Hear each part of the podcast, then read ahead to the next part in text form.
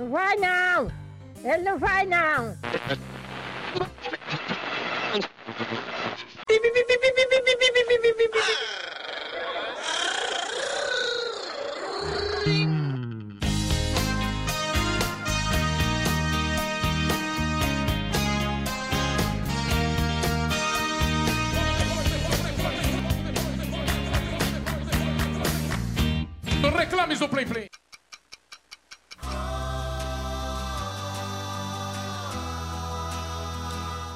Aí, meus queridos ouvintes do Reclames do Plim Plim, eu sei que vocês estão morrendo de saudade, viu? Eu tô falando igual Chico Bento.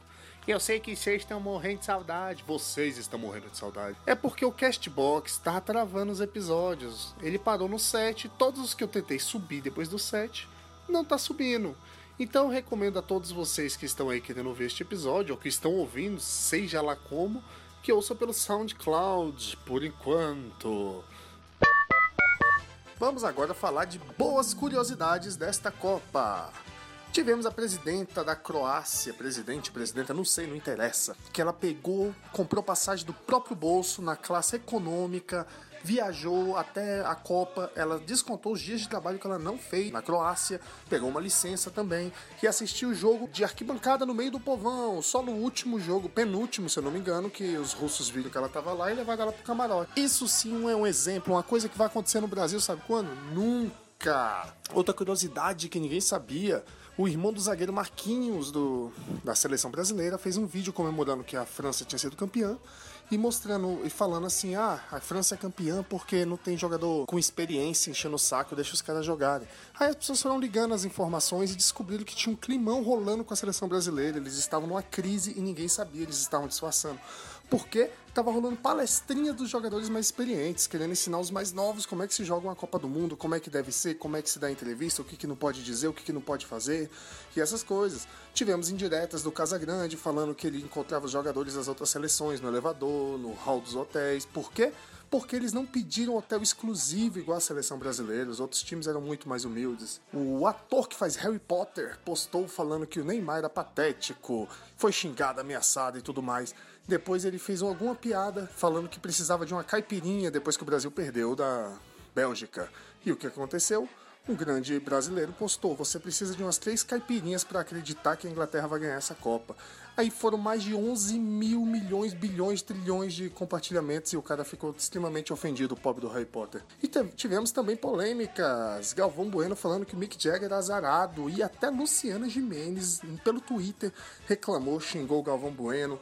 E o filho do Mick Jagger falou que o Galvão Bueno era uma piada, que ele era ridículo, mas que o Casagrande era um herói, porque o Casagrande defendeu o Mick Jagger ao vivo na Globo, falando: Cara, deixa ele, o cara tá só vendo o jogo, tá de boa, para de ficar falando essas besteiras.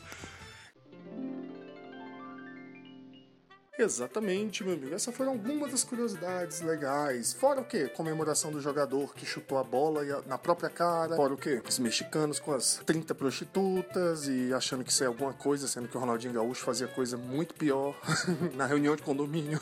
cara, tu tem que parar pra pensar, cara, que essa Copa foi uma farsa, né? O Neymar virou uma grande piada grande piada mesmo. A campanha no Ministério da Saúde de Portugal usou imagens do Neymar dizendo para você não ligar para a emergência se não for realmente uma emergência. Mostrava o Neymar todo arrebentado, caído.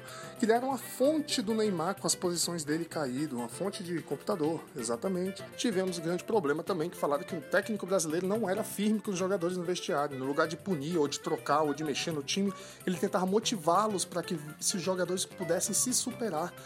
Dessa forma, ele foi mexendo no Brasil já nos 20 minutos do segundo tempo, quando o Brasil já estava todo lascado, ferrado, e não adiantou nada, porque ele queria dar chance dos jogadores se reinventarem e fazerem melhor. É, Tite, não deu certo não, galera não deu pra gente, mas foi uma Copa muito engraçada. Tivemos uma Bélgica que destruiu o Brasil e uma Bélgica que, quando tomou um gol, ficou totalmente desamparada depois e perdeu também. Foi à toa. A gente podia perder da França muito mais bonito. Enfim, é isso aí, galera. Nos vemos em breve com os próximos reclames do Plim Plim, agora voltando à nossa temática antiga, com vários temas onde você pode participar, onde faremos músicas, faremos diversões e falaremos sobre coisas realmente interessantes, que a Copa do Mundo acabou. Você ganhou alguma coisa com isso? Sua vida mudou? Além da porcaria do feriado e umas ressacas?